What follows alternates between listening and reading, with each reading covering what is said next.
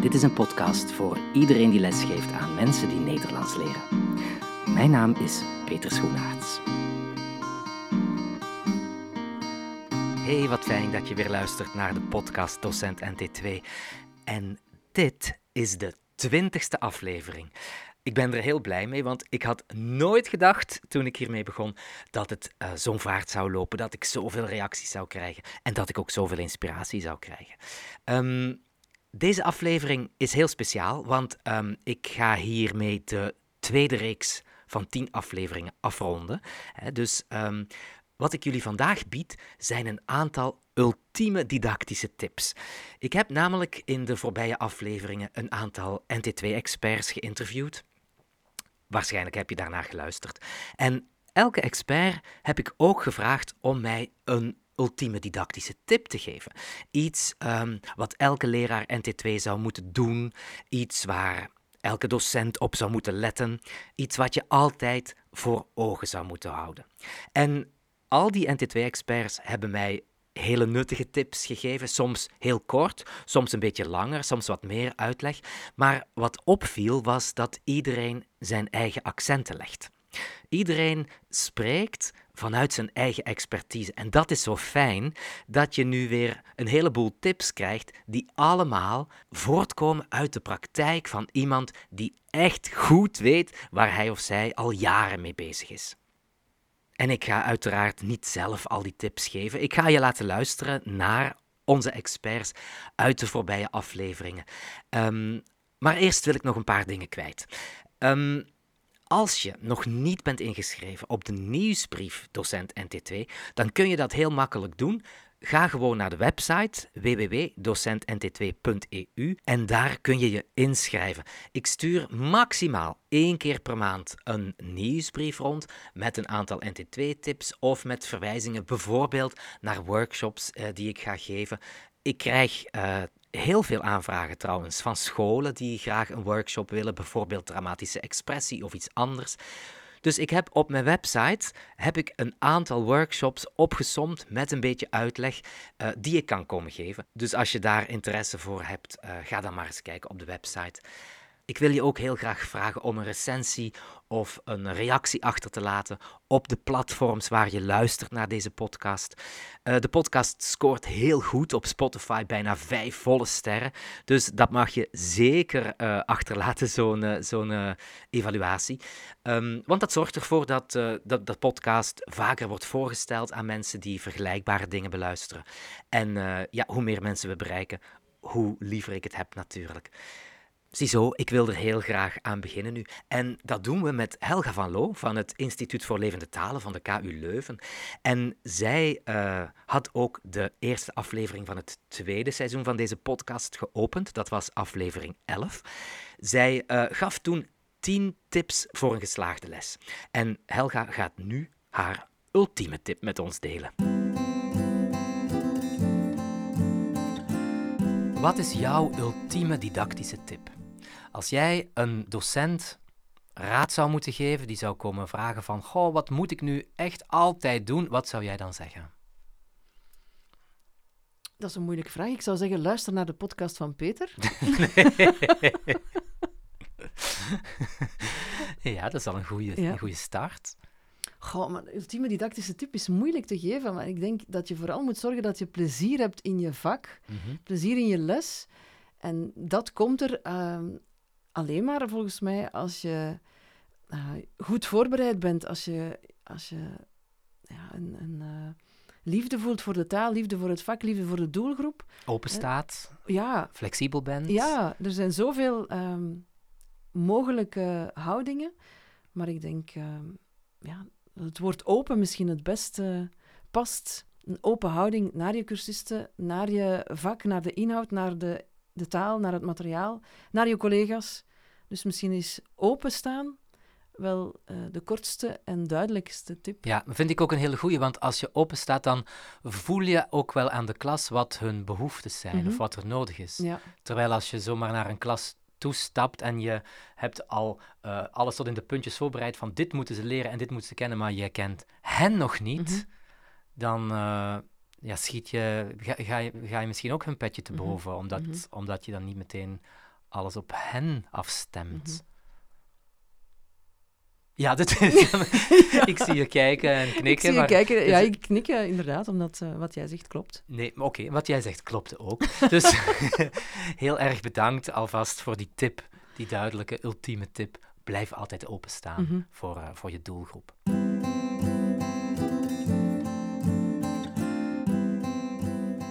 Ja, zoals je kan merken is het eh, maken van deze podcast even leuk als er naar luisteren. Ehm, we gaan naar de volgende eh, experte die ik eh, interviewde. En dat wordt Annemarie Nieuwenhout. Zij traint al jarenlang docenten, onder andere bij de VU. En zij schreef ook het basisboek Alpha NT2. En met haar sprak ik in aflevering 18 over het lesgeven aan Alpha-cursisten. Dus mensen die nog leren lezen en schrijven. Haar ultieme didactische tip? echt contact maken, echt geïnteresseerd zijn. Gewoon van mens tot mens, even los van je rol van je, bent de docent, hij, of zij is de cursist. Ik denk dat heel veel ehm, ja, goede leeromgevingen, of zeg maar rijke leeromgevingen, daar, daar, daar wel uit ontstaan. Zeker ook bij Alpha. En dat is niet genoeg, natuurlijk. Zonder dat contact wordt het sowieso niks volgens mij, dan haken mensen gewoon af. Zonder die echte interesse. Ehm, maar daar moet het ook niet bij blijven. Hè, anders kun je net zo goed een praatgroepje beginnen. Mhm. Dus misschien is mijn ultieme didactische tip om te starten vanuit eh, echte interesse, heel goed kijken naar mensen, eh, echt contact maken. En daar, daar moet je dan, je moet eigenlijk aan een heleboel dingen denken bij Alpha. Je moet een hele goede balans hebben tussen lees- en schrijfactiviteiten, spreekactiviteiten, tussen aandacht voor technische vaardigheden en juist aandacht voor dat hele functionele. Dus volgens mij gaat het steeds om, ehm, om overzien, inzicht hebben in dat proces, inzicht hebben in aan welke doelen je allemaal werkt. En dan steeds balanceren. Balanceren, dat is het woord dat Annemarie Nieuwenhout gebruikt. En dat is iets wat we inderdaad als NT2-docent voortdurend moeten doen. Hè? Niet te veel van dit, niet te weinig van dat. Goed weten waar je mee bezig bent. En ehm, dat betekent dat je eigenlijk altijd heel goed voorbereid moet zijn. Maar eh, onze volgende gasten, Kim Koelewijn, de auteur van eh, onder andere Hotel Hallo en Plein 16, die zegt dat je af en toe ook wel eens je hele lesplan overboord moet kunnen gooien. Ik sprak met haar in aflevering 12 en daarin ging het over lesgeven aan kinderen en jongeren.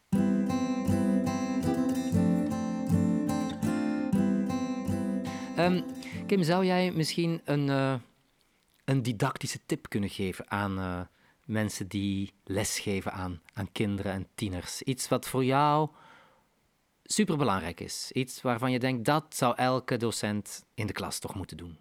Ik denk ehm, dat je steeds voor ogen moet houden wat je nou staat te doen. Wat het doel is van wat je staat te doen. Je wil dat die kinderen meedoen, zich onderdeel voelen van het geheel.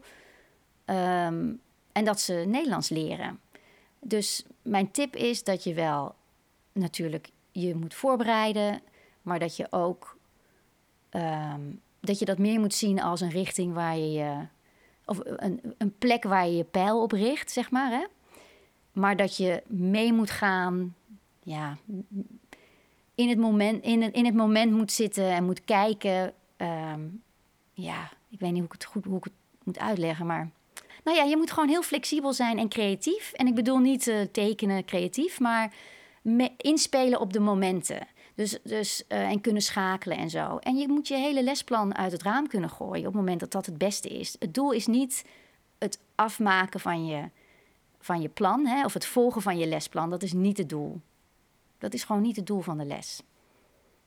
En dat is denk ik mijn tip. Ook al moet je dat lesplan wel ooit beëindigen, je moet Ja, daar niet alleen op gefocust zijn, dat zeg je. Je moet niet alleen maar bezig zijn met wat moet ik nu doen. Nee, want nou, een een voorbeeld. Hè. Ehm, ik geef als huiswerk vaak aan leerlingen die ik privéles geef om te lezen in het Nederlands, hè, boeken. Mhm. En dan hebben ze bijvoorbeeld eh, twee hoofdstukken gelezen. Maar dan hebben ze gelezen zonder dat ze met hun hoofd erbij zaten. Hebben ze niet, niks is er blijven hangen. Dus onderdeel van de les is dan, als ik ze spreek, dat ze mij vertellen wat ze gelezen hebben. Dat ze daarover spreken. En het is gewoon een gatenkaas. Ze hebben, ze hebben gewoon niet met aandacht gelezen. Dan is het toch weggegooide tijd. Hadden ze net zo goed niet kunnen lezen. Dus dat bedoel ik een beetje van... Je moet het allemaal... Het moet wel aankomen bij ze. En daar moet je heel erg op letten. Als het niet aankomt, moet je niet doorgaan naar het volgende. Oké, dit kwam niet aan, maar nummer drie op de lijst is dit. Dus nu ga ik dit doen. Nee, blijf dan bij wat je ze wilde leren, maar doe het, probeer het op een andere manier. Of doe even iets anders tussendoor en kom dan, dan weer op terug. Mhm. Ehm, ja, dan ben je maar, maar eh, één les, een hele les bezig met drie dingen in plaats van die zes die je, die je gepland had. Als Maar die binnenkomen, ja, dan, hangen dan dan- heb je een goede les gehad. Maar als je er zes doet en, En niks blijft ze weten hangen. de volgende dag niet meer Ja. wat ze geleerd hebben, dan heb je je tijd verspeeld. Dat vind ik een goede tip. Dank je wel.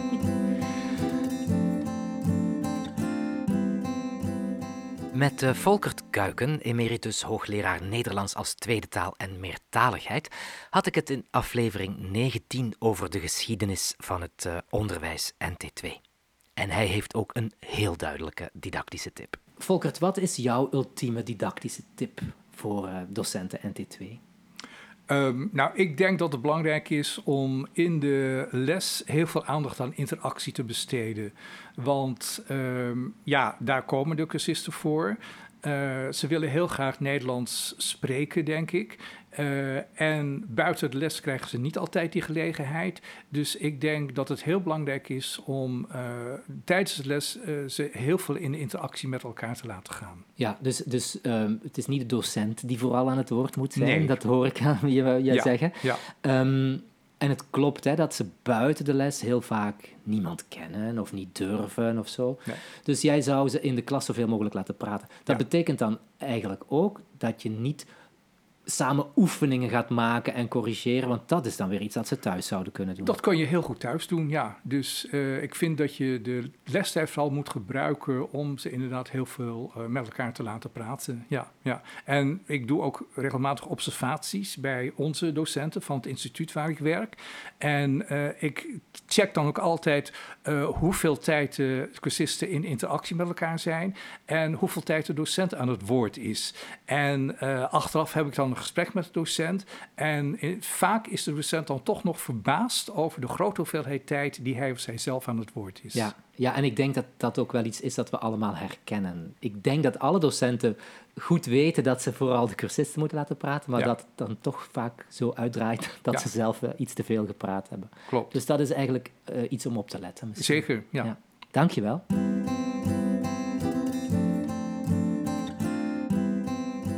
Met eh, Bianca Versteeg had ik het in aflevering 13 over aandacht voor woordenschat in de klas. Bianca heeft eh, jarenlang lesgegeven in Frankrijk en heeft daar ook haar eigen kinderen in het Nederlands opgevoed. En Bianca is heel duidelijk in wat zij didactisch belangrijk vindt. Ken je klas. Ken je doelgroep.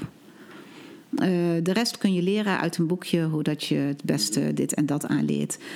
Maar ehm, een methode is gemaakt voor algemene klassen. Ehm, en leren, daarin heb je ook een groot stuk motivatie nodig. Een groot stuk herkenning, want alles is al nieuw in die taal. Dus als bijvoorbeeld als jij ervoor kunt kiezen, doordat jij jouw leerlingen goed kent, jouw leerders goed kent, dat je bijvoorbeeld woordenschat kunt kiezen die aansluit op hun interesses, op hun passie. Ehm, dan merk je dat ze daarover ook liever praten. Dat ze daar makkelijker over praten. En als ze makkelijker praten, hebben ze succesmomenten. En succesmomenten zorgt weer voor interne motivatie. Dus zorg dat je je leerlingen goed kent. En eh, ik doe dat eigenlijk altijd. Ik heb vorige week weer een, eh, een, soort ja, een blad gemaakt met waarop ze allerlei dingen mochten aangeven. Maar stel ook eens vragen waar je misschien niet meteen aan denkt. Ehm, waarom leer je Nederlands? Hè, geef ze een aantal keuzes of laat de vraag open. Ehm, wat zou je willen leren in het Nederlands? Wat zou je willen kunnen in het Nederlands? Het zijn nog twee verschillende dingen eigenlijk. Want ze zeggen, ik wil graag leren praten. Maar wat zou je willen, wat zou je willen kunnen in het Nederlands? Is bijvoorbeeld vrienden maken. Of met mijn collega's praten. Ehm, wat, zou je, ehm, wat, wat lijkt je moeilijk aan het leren van de taal? Wat vind je makkelijk? Wat vind je leuk? Wat zou ik meer mogen doen? Hoe kan ik jou het beste helpen? Dat soort vragen en daar iets mee doen in jouw lessen. Dat ze dat herkennen, dat je daarop ingaat. Dat is voor mij, dat is voor mij een soort.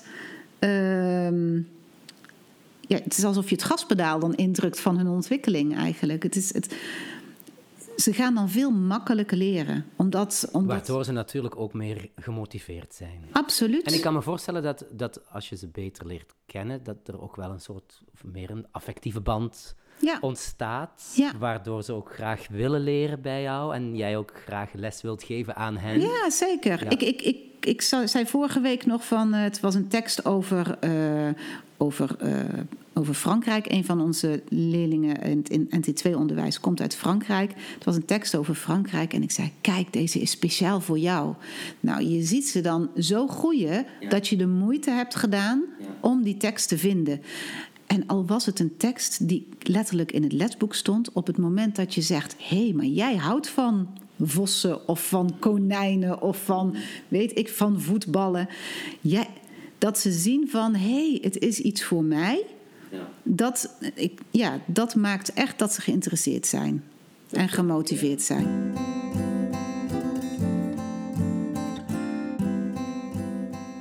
Gert Loosen is een Vlaamse docent Nederlands aan de Universiteit van Debrecen in Hongarije.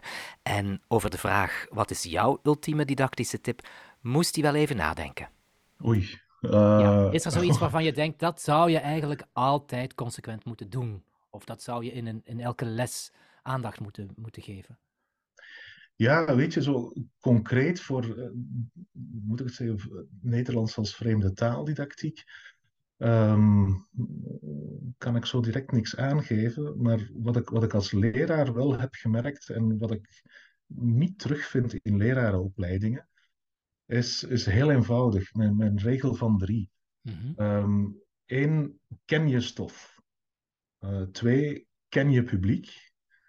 En drie, hou van je stof en van je publiek. ja. En als je die drie dingen hebt, dan, dan, dan kun je aan, aan 80% van je groepen zonder problemen lesgeven, denk ik. ja, dus eigenlijk goed weten wat je doseert, goed weten wie je voor je hebt en dat graag doen. Ja. Ja, dat is een En zeker, zeker jongere kinderen, eh, jongere leerders merken het meteen als het niet je dag is, of als je daar eh, met, met minder zin voor de klas staat. En dat Mhm. wreekt zich dan na een kwartier al. Ja, uiteraard. In eh, aflevering 18 sprak ik ook met Jeanne Curvers van de Universiteit van Tilburg. En eh, Jeanne deed jarenlang onderzoek naar alfabetisering en tweede taalverwerving. Eh, zij eh, heeft een goede tip voor mensen die lesgeven aan alfacursisten. observeer en luister naar je cursist. Dan kom je heel veel te weten en daar kun je op voortborduren. Ja, en waarom is dat belangrijk? Wa- wat moet je observeren en waarnaar moet je luisteren? Eh, observeren wat een cursist eh, zegt, doet, eh, hoe een cursist, eh, cursist een woord leest, kom je al zoveel te weten. Eh, gaat dat hortend en stotend? Gaat dat vloeiend? Ehm, eh, eh, verwacht je een T met een, met een F, dan weet je, ja, dit is iets visueels. Dat zijn gewoon dezelfde tekens, maar nog even beginverwarring. Verwacht eh, de oe met de o met de e, dan weet je, geen probleem. Dat heeft iedereen, en zeker in het begin, want die klanken lijken veel te veel op elkaar en die bestaan in de eigen taal niet. Eh, kijk hoe een eh, alfabetiseringscursist aan het gummen is. Je zult zien dat hij veel meer gumt dan jij dacht dat hij zou doen ja. omdat hij zelf nog moet ontdekken wat bedoelt mijn docent de hele tijd. Eh, een, prachtig voorbeeld, een cursist die het woord fiets steeds maar weer uitgumde. Terwijl hij het perfect geschreven had, uh, bord kijken. Ehm, en wat bleek, de docent had, had de ene F, er stond nog een woord met een F, maar bij, de ene F van een veel grotere boog voorzien dan de andere. Mhm. Dat doet er helemaal niet toe voor ons. Maar hoe moet die beginner dat weten? Ja. Hoe moet hij Ja. weten dat, dat dat er niet toe doet? Dat zijn Mhm. allemaal dingen die moet je allemaal in dat eerste jaar gaan leren. En als je daar heel goed op let, door die ogen en die oren van die cursist, een beetje dat leerproces probeert te volgen, kom je zoveel te weten. En is ook nog heel erg fascinerend. Uh, maar ik ben ervan overtuigd dat dan jouw eh, didactische praktijk uh, vooruit gaat als docent, als je dat kunt. Ja, dus observeren en luisteren. Eigenlijk zeg je, leef je in, in die situatie van die cursist, hè? Ja. Ja, ja. heel mooi. Ja. Dankjewel voor die tip. Graag gedaan.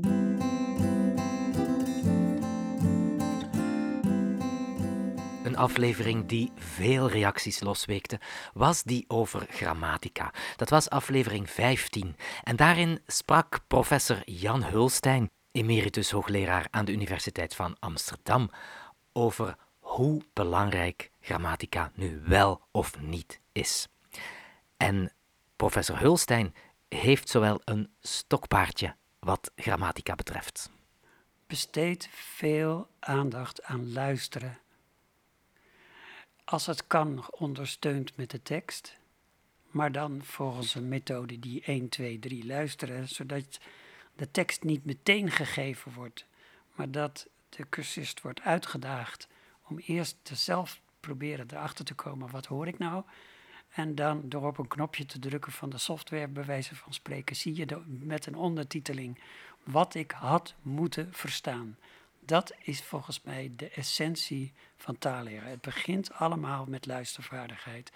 En niet zo'n beetje globale luistervaardigheid, maar echt precies kunnen verstaan wat er gezegd wordt. Heel goed de klanken, de woorden kunnen discrimineren, horen dus dat, wat je... Die tip zou ik willen geven, zowel aan de docent als aan de cursist. Ja, ja. Sorry. Nee, heel ja. goed.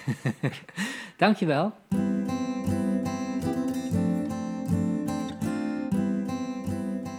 Met Pap Scherholt sprak ik in uh, aflevering 17 over het VUT-model, waarom je steeds moet vooruitkijken en terugblikken bij elke les.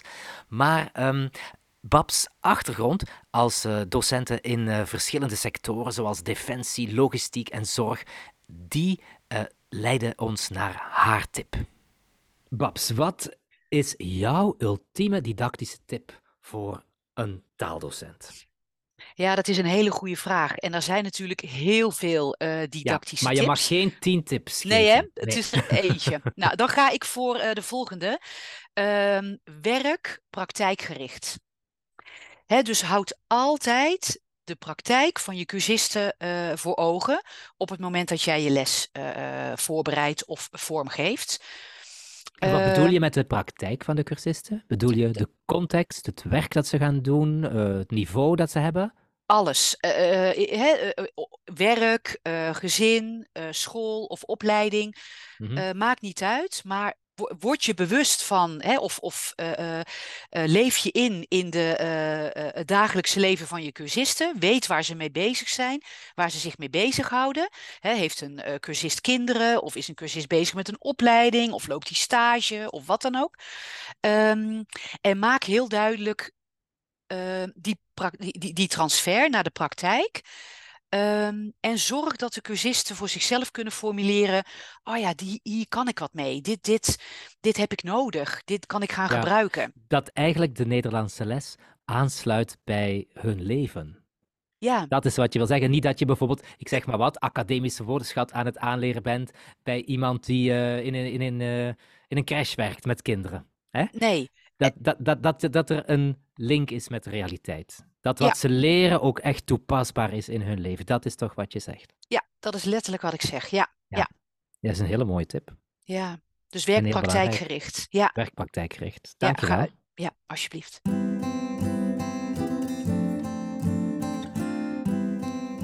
In aflevering 14 spraken we over lesgeven in het buitenland. Ik sprak toen met Gert Loze, die in Hongarije woont, maar ik sprak ook met Laura Zijdel. En zij is al 25 jaar de directeur van de Nederlandse Taal- en Cultuurschool, het Klokhuis in de Verenigde Staten.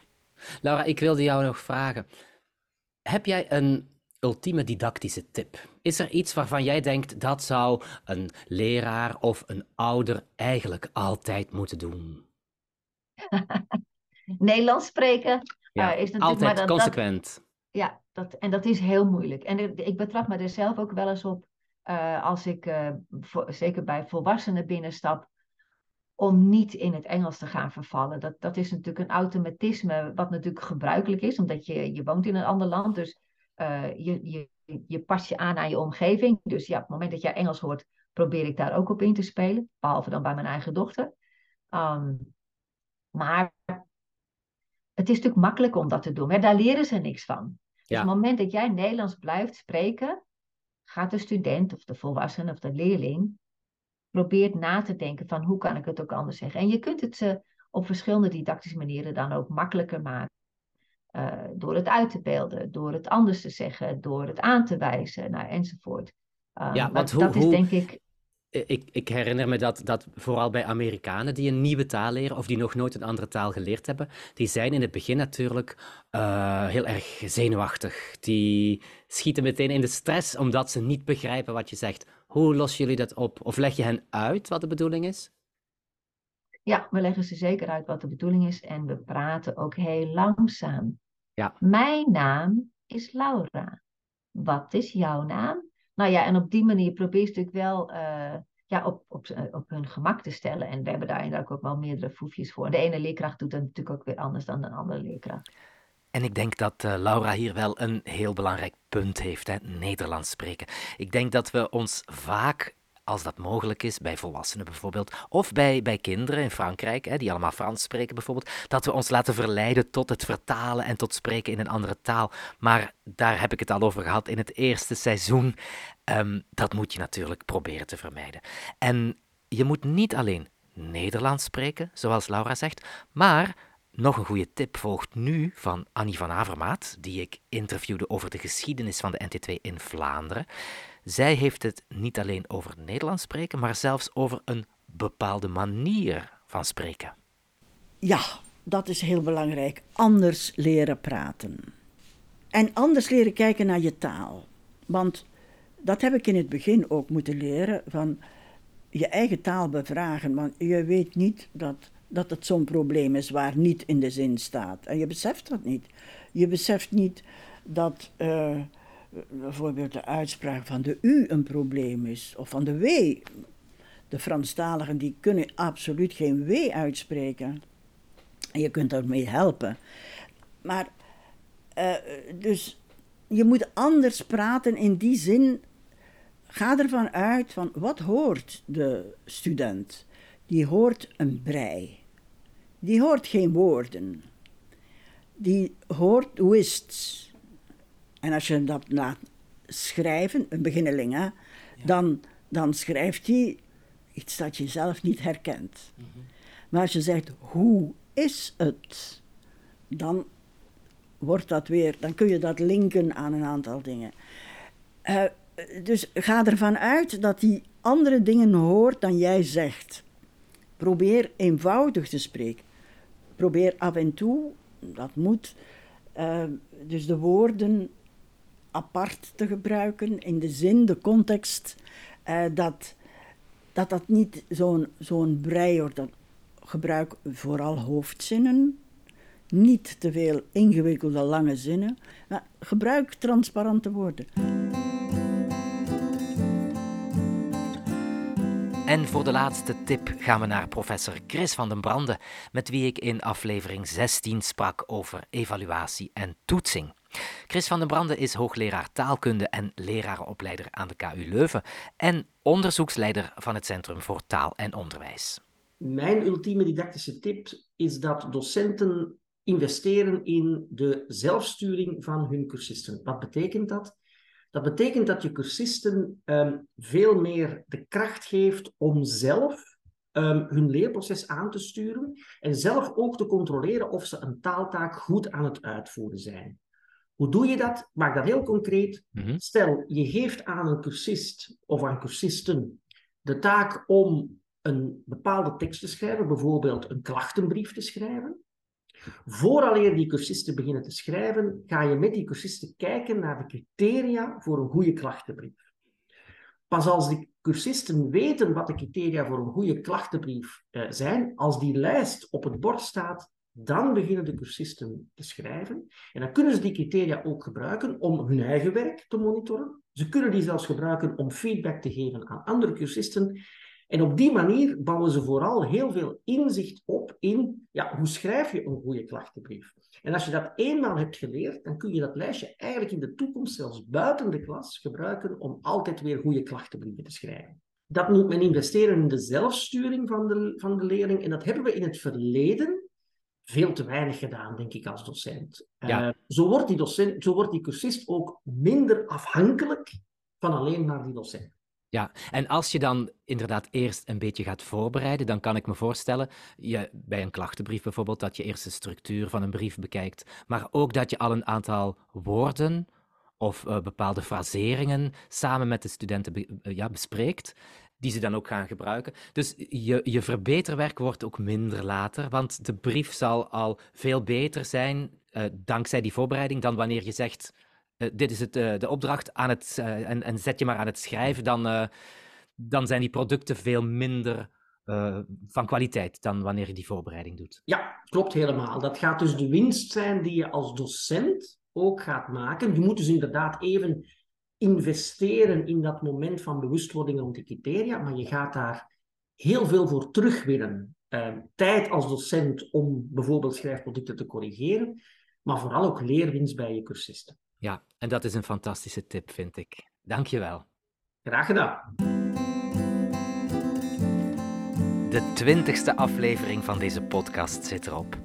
Na de zomer ben ik er zeker weer, maar uh, zo lang hoef je niet te wachten. Je kan natuurlijk onze Facebookpagina liken, dat is docentnt2.eu. Dat is de Facebookpagina, daar post ik af en toe NT2-nieuws of uh, tips op. En uh, je mag je natuurlijk nog altijd inschrijven voor de nieuwsbrief als je dat nog niet gedaan hebt. Als je nog mensen kent die deze podcast nog niet beluisterd hebben, laat hen dan even weten dat die bestaat. Stuur een mailtje naar je collega's, zet het in een nieuwsbrief van je school. Ik wil graag zoveel mogelijk docenten NT2 en NVT en daarnaast ook mensen die praatgroepen begeleiden, praatmaatjes helpen en uh, didactische tips geven. Ik wens je een hele fijne zomer en uh, heel graag tot binnenkort.